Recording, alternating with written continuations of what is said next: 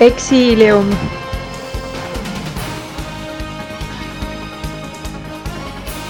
Exilium.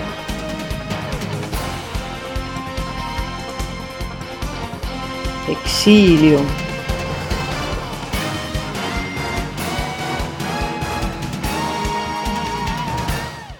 Exilium. Welcome to Estonian Refugee Council's podcast Exilium. My name is Madladim. Uh, I am your host today, and I have the guest Eero Janson, the director of Estonian Refugee Council. Welcome. Welcome as well from my side. Eero, a couple of months ago, we both visited Zaporizhia in the eastern part of Ukraine.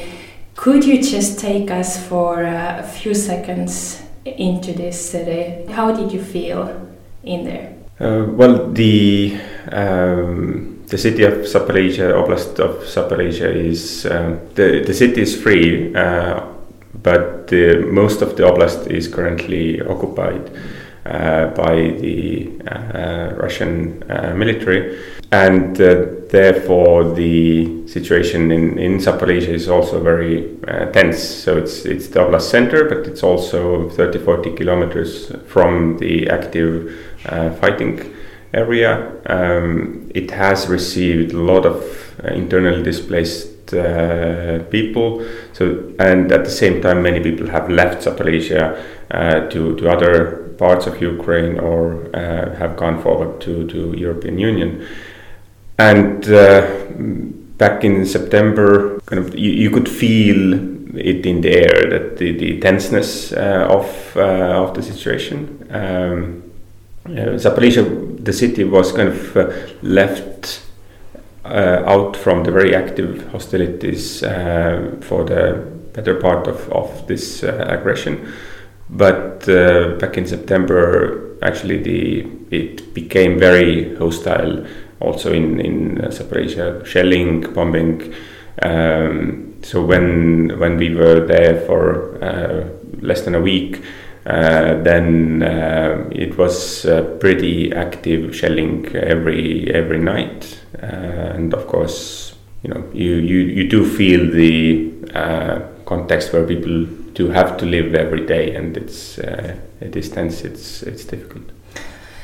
For us, uh, it was just a few days. So even though you experience how how does it feel to be uh, in the environment uh, which is not meant for a living when they shell and bomb you every day.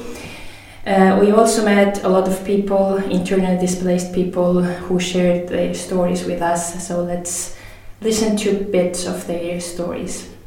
Ну, мы, как мы, если мы живем одним днем. Uh, we had to move uh, three times uh, in, a, in, a, in a month, uh, and uh, at the same time we have to think about uh, school, uh, and uh, there is absolutely no feeling of home because uh, uh, you, you you have no idea if you will be staying here for a while or even if you will be alive to, to stay. И, и, и буду ли я вообще завтра где-либо. Відкрию, як кажуть, карти. Да? Я з 16-го року служив в Збройних силах України. So uh, uh, originally uh, in, in in 2016 I was serving uh, in the armed forces of Ukraine. Uh, so my feelings are as follows: in uh, 2018 um, I left army because uh, my, my child was born, uh, but uh, um, there was tragedy. Uh, I was in, in the car accident and uh, my wife uh, died, and as a result I also became a disabled person. Uh, I hate uh, the so-called Russian world, and I perfectly understand the people who I need, the people who uh, have to move from their home, uh, from the from, from the place that they're living in. And uh, um, I also do uh, as much as I can uh, from my part to help, uh, Не очень часто. uh, be it to, to move some humanitarian aid, uh, to transport it, uh, or to do something like that. Um, but it's um, it's a very difficult situation. М, Чим, ну как, чим можу, тим і допомагаю. От. Е, Я також е, з дітками е, Uh, I also s- um, spent time with my children in the basement, and uh, one time when it was uh, quite a quiet day, uh, but my children asked me to go out for a walk, uh, enjoy enjoy the air, And uh, when we were uh, walking, um, we heard and saw Russian aviation, a Russian plane, and my children told me, "Mom, look a plane," and we had to hide. And right after that moment, we also heard the sound of explosions. So uh, that was uh, uh, the moment when I understood that in order for my children to be safe, we, we just have to, to move. Welcome back to uh, listen to Exilium, Estonian Refugee Council's podcast.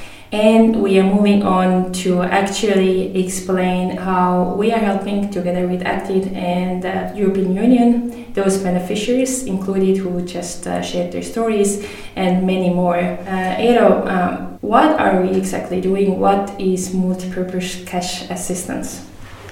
So, um, multi-purpose cash assistance to, to make it very simple to, to listeners, it's uh, money. Essentially, we are giving people uh, who are in, in very difficult situations, living in difficult circumstances, we are giving them uh, financial means in order to survive, in order to meet their basic needs. Um, the uh, amount is currently so it's 2,220 hryvnias or Ukrainian hryvnias, uh, which is approximately uh, 60 euros currently. I mean, the, the rate is fluctuating, uh, but approximately 60 euros per person per month. Uh, so if it's um, a family of five, then uh, for each uh, member of this household, they are getting 60 euros for three consecutive months. Um, in order to buy whatever they need, and this is the important aspect as well. This is the multi-purpose aspect uh, here is that they they are free to use this uh, money for whatever needs uh, they have. So most of the people, of course, uh, use it to uh, purchase uh, food. many purchase also medical things, medicine, to go to get a doctor's visit. Um, a lot of hygiene products and clothing being also bought for the, for this money. Uh, people are uh, covering their rent or utilities or buying buying firewood. Uh, so different things uh, which are included, um, and this is uh, the most, I would say, dignified way of uh, assisting assisting in contexts where markets are actually functioning, meaning that you can actually uh, go to a shop, buy the things you need, uh, and uh, and use take money as the primary means of, of assistance instead of food packages or, or hygiene kits. Uh, which uh, also have serve a purpose uh, in the Ukraine context in, in areas where you do not have functioning markets or the banking system has collapsed, for example, where you can't use money. Uh, but uh, everywhere where you have access to uh, shops and shops have actually goods to be purchased, then we are giving cash assistance. Taken into account that there are millions of people who need help and assistance in different ways, how many people are we actually able to help? in the framework of, of this program, together with ACTED and funded by European Union through ECHO. Uh, we are assisting uh, slightly more than 39,000 individuals this year, and of course, uh, plans are uh, there to, to go ahead also for, for next year. But for this year, it's 39,000 uh, individuals. Um, and we are assisting them in uh, five oblasts, uh, the, the, the most hit oblasts uh, in in this war. These are Kherson, which is being liberated, um, but has been under occupation for a long time. this is Zaporizhia Oblast, which I already spoke about a bit. Uh, also mostly uh, occupied currently. Uh, it's Kharkivska Oblast, which is now mostly liberated. it's Donetsk and Luhansk Oblasts. So these are the oblasts which have seen heavy fighting for the past eight years, and and of course now uh, in this after this aggression uh, even even worse uh, fighting. So these are five oblasts we are uh, mostly serving, and uh, we are assisting both on the side of the, the Ukrainian controlled areas as well as the temporarily occupied areas, and this is the kind of the, the difficult part of, of this uh, assistance how to reach people who have been uh, left under uh, occupation by uh, Russian uh, forces. Is uh, MPC multi-purpose cash assistance the only way how to reach those people who are in temporarily occupied areas? currently, this is pretty much the only way how to reach people beyond the, the front line uh, because cash can uh, can travel across uh, front lines uh, in through online banking systems and uh, Ukraine uh, actually has a very strong infrastructure for online banking and and e e banking um, so th this opens a way to assist those who are on the uh, other side of this uh, uh, front line. Um, people can access their cash uh, through different means there. I mean, it's it's a bit complicated. There, there are people who uh, are helping people accessing uh, money there. Um, it's difficult, but it's possible. But since uh, uh, humanitarian assistance cannot, you know, in-kind assistance cannot travel across the uh, front line at the moment, then this is pretty much the the only way how to assist. Yeah.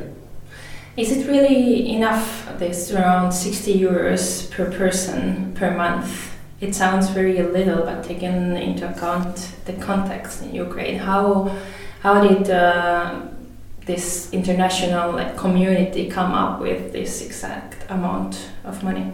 So actually, the the amount is two thousand two hundred twenty uh, hryvnias. Uh, this has been agreed on already before the aggression, uh, which happened this year.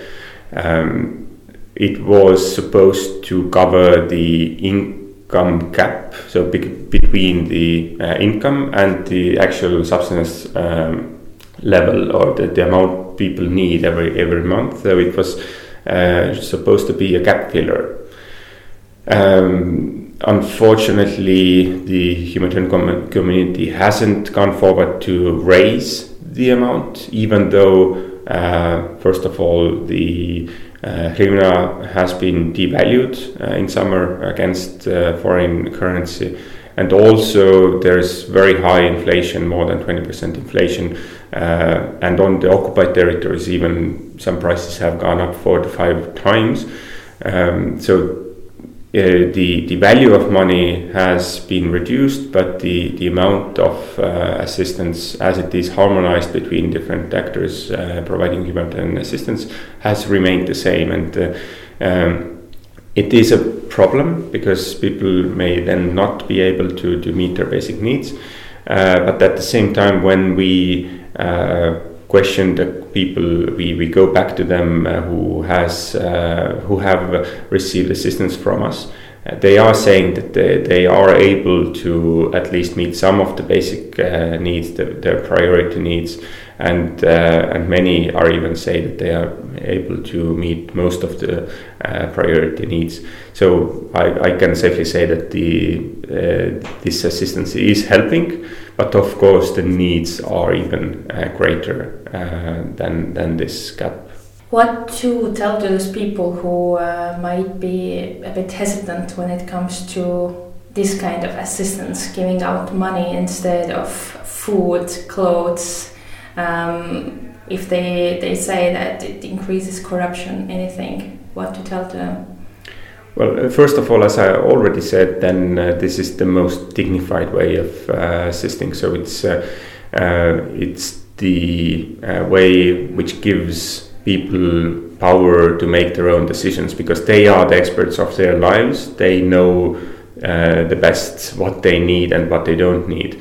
Uh, what happens oftentimes with uh, in-kind food assistance or, or in-kind assistance in general is that um, uh, some people may not need this specific product. They are actually in need of a different kind of assistance, uh, but they are uh, receiving it as it comes.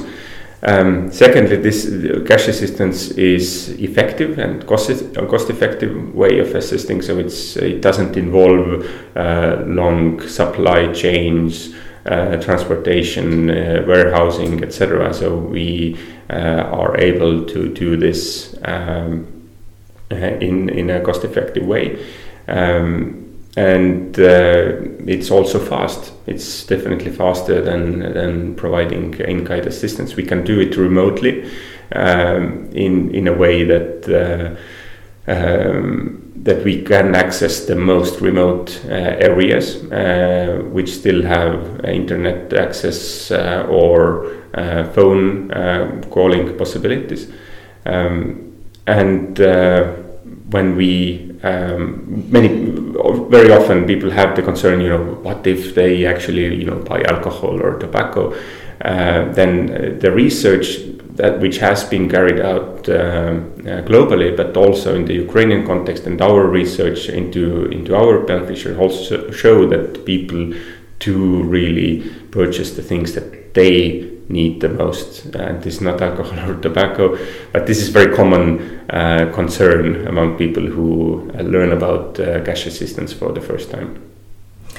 We also met a lady from um, close by from, uh, to Kherson uh, when we were in Zaporizhia, and she was sharing a lot of quite crazy stories, at least for me, the most touching ones, uh, also because to get, get information out from the areas which were occupied was very hard. So let's listen to what she uh, was put through. Мы проживали 10 километров. Lived um, in the in the village uh, near Kherson called uh, Belozorka. Uh, that's uh, where I'm from originally, and uh, we uh, used to live with our relatives, grandmother, and so on. Поначалу там продуктов вообще не было. At first, uh, all the stores were emptied out. Everyone uh, bought everything that they could. Uh, after that, uh, the mar- uh, wild like markets appeared, where people would just uh, on the sides of the streets, like mm-hmm. would sell the yeah, things put on sale the things that they perhaps bought. And after that, uh, there was uh, like some kind of um, food uh, food um, procurement from Crimea. But strangely, the first thing was cookies and water. They were the first like products that were given out. Um, after that, the, the situation became like better, and there were more assortment of that. But prices remain extremely high, so they're three or four times higher than they are here. So, for example, sugar, uh, it's like one kilo of sugar uh, is on is uh, costing 100 hryvnias if you like doing the, the conversion. Очень дорого.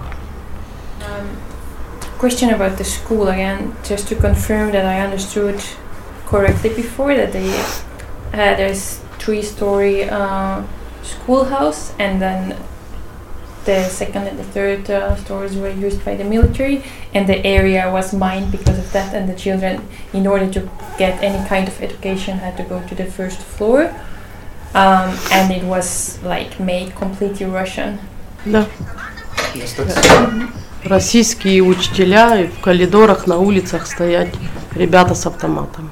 Russian teachers and uh, in the school halls and uh, around uh, like school school um, rooms, uh, people with uh, automatic rifles are actually standing by. Діти учаться, є знайомі, які розказують, що да. We have some acquaintances that are still there, and they tell us that uh, children that um, that have to study in, in, in those schools, they um, uh, they uh, have to talk in Russian. They have to do everything in Russian. Do the homework in Russian. There is no Ukrainian language. As I understood, if you don't send your kid to the school, they might take the kid away from you. Да. Так впрямую і сказали, що заберуть. They said so directly that they will take the kids away and um, А you will lose your parental rights and uh, the kids will be moved to some kind of uh, kid uh, shelter or like um, orphanage. Це ужасно. Кожен день бачить е, It's simply terrible because uh, each day you get to see you see uh, military vehicles, you see automatic rifles, you're hearing uh, explosions and uh, from the the um, the firing from uh, the systems of like fire like rods and so on. You're hearing it at night and day all the time.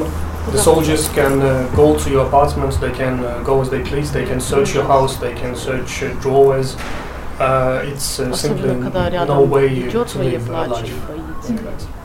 Welcome back to listen to uh, ERC's uh, radio podcast Exilium. Uh, my name is Made. Uh, I'm here with Eero Janson. And let's first listen to a short clip I recorded in one of the hotels in Kiev just to give you an idea on what does it feel uh, to wake up in the middle of the night uh, when there is war going on? An red alert was issued. Please take shelter. Шановні гості, увага!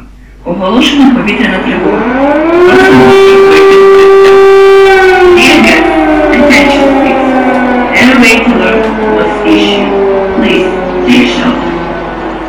Eero, what went through your mind uh, for the first time when you heard this kind of alarm in the middle of the night? Well, for for me, it's it hasn't really been the, the first time uh, being in a situation uh, of uh, war. Um, Ukraine hasn't been the first one, um, and and uh, September definitely wasn't the first time. But uh, um, it's it's actually a funny, th- not funny, but it's uh, it's a difficult. Um, I think because uh, uh, I remember back in Lviv in in April uh, when the air alarm uh, went off. Uh, you you look out from the window. I mean, you shouldn't look out from the window, but uh, when you are are in a kind of populated place, then uh, you see how people react, and uh, um, it was really you know interesting to to see how some people did you know pick up the pace for example uh, to to find the nearest shelter and others just carried on like nothing has uh, happened of course the the problem many in many places also in Zaporizhia is that you don't actually have many shelters to go to. Uh, in some cities you have metros like Kharkiv or Kiev um, which which are dotted around the city and you have some public shelters around the city as well. But all in all you you know people cope with the situation. It's it's a bit of a sad thing as well because uh, um, you know is this the context people should be coping or, or kind of normalizing in their lives. Um, but uh, yeah it's um, um, I have gone to shelters but also there have been times where uh, you know your kind of internal security uh, guy kind of assesses the risks and and uh, you, you're safe to go to the bathroom, for example, instead of, of going down, especially if there's actually not a proper shelter in, in the hotel or in the building where you're staying. So the contexts are quite diff- uh, different, and, and people seem to uh, in in in Kiev, in Lviv, in Zaporizhia, they kind of seem to somehow recognize, you know, uh, from the timing or from the um, you know tenseness of, of the situation whether you should hide or not. But it's it's still quite peculiar. Um, I remember back in Zaporizhia also giving an uh, interview in a in a park when the air alarm went off and people just continued uh, kind of their evening, you know, walking in a park and uh, uh, yeah, I mean that's that's how or uh, in in this Ukrainian context very much oftentimes feels like. It's kind of a schizophrenic feeling that uh, you know you know that something may be coming, but you decide to carry on. What makes you still do this work and still keep going to Ukraine? Well, first of all, we we have so many staff members in Ukraine uh, who never left and uh, are there, uh, and they are living there and, and being there daily. Uh, so why should I be different, or how, why should I, you know, fear more than uh, than they do? So this is a uh, assessed risk definitely. I mean, uh, in this work, you should never you know put your own life in danger uh, because that means you know if you are in danger, then you are putting more people in danger because then other people uh, should should uh, come and rescue you, right? Um, so it's uh, it's definitely a there's a deep Uh, kind of uh, risk assessment uh, taking place uh, uh, every time we, we go to, to unsafe areas. Um, but why we do that, I think all the people who work as humanitarians have this principled stance of we have to do something and and we have to do it in a in a systematic and coordinated fashion because this is the way uh, it uh, we can actually help uh, and we can actually provide assistance. Um, and I think this kind of system systemicity and and and uh, coordinated way of of uh, doing things is is the uh, the main and the only way how it should be done on a large scale. Of course, uh, in every conflict, in every crisis, the, the local people are the first responders, and, and we definitely need to recognize that uh, as well. Uh, but as time goes on, it's it's necessary to also emphasize the uh, the kind of proper way of uh, providing uh, assistance as well. Listening to you reminds me this thought um, what I have had for ever since I actually started to work uh, in humanitarian aid field, that I just wish to lose my job, not because I don't like to do it, but because uh, it would be much nicer world if we didn't need this kind of organizations to help. Do you agree?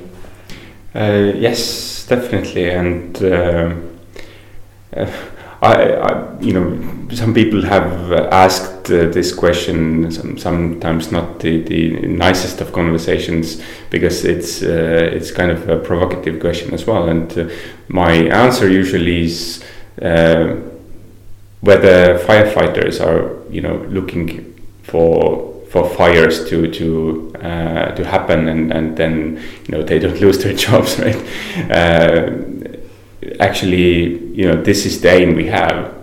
We, we want to end crises rather than to, to prolong them, of course. Um, in the same way that the firefighters are going around in order for fires not to break out, and then to the uh, you know mitigation of, uh, of risks and, and preparedness and everything. So uh, this is the work we do. This is multifaceted work. It's not only responding, but it's also preparing and, and reducing uh, risks uh, when we can. Uh, but of course, crises may come out or happen anytime, and, and we have to be prepared and ready to respond. Thank you very much, Eero Janson. The ones who would like to know more about uh, the aid we are providing in Ukraine and other countries may visit our webpage www.pagulasabi.ee. This was Exilium.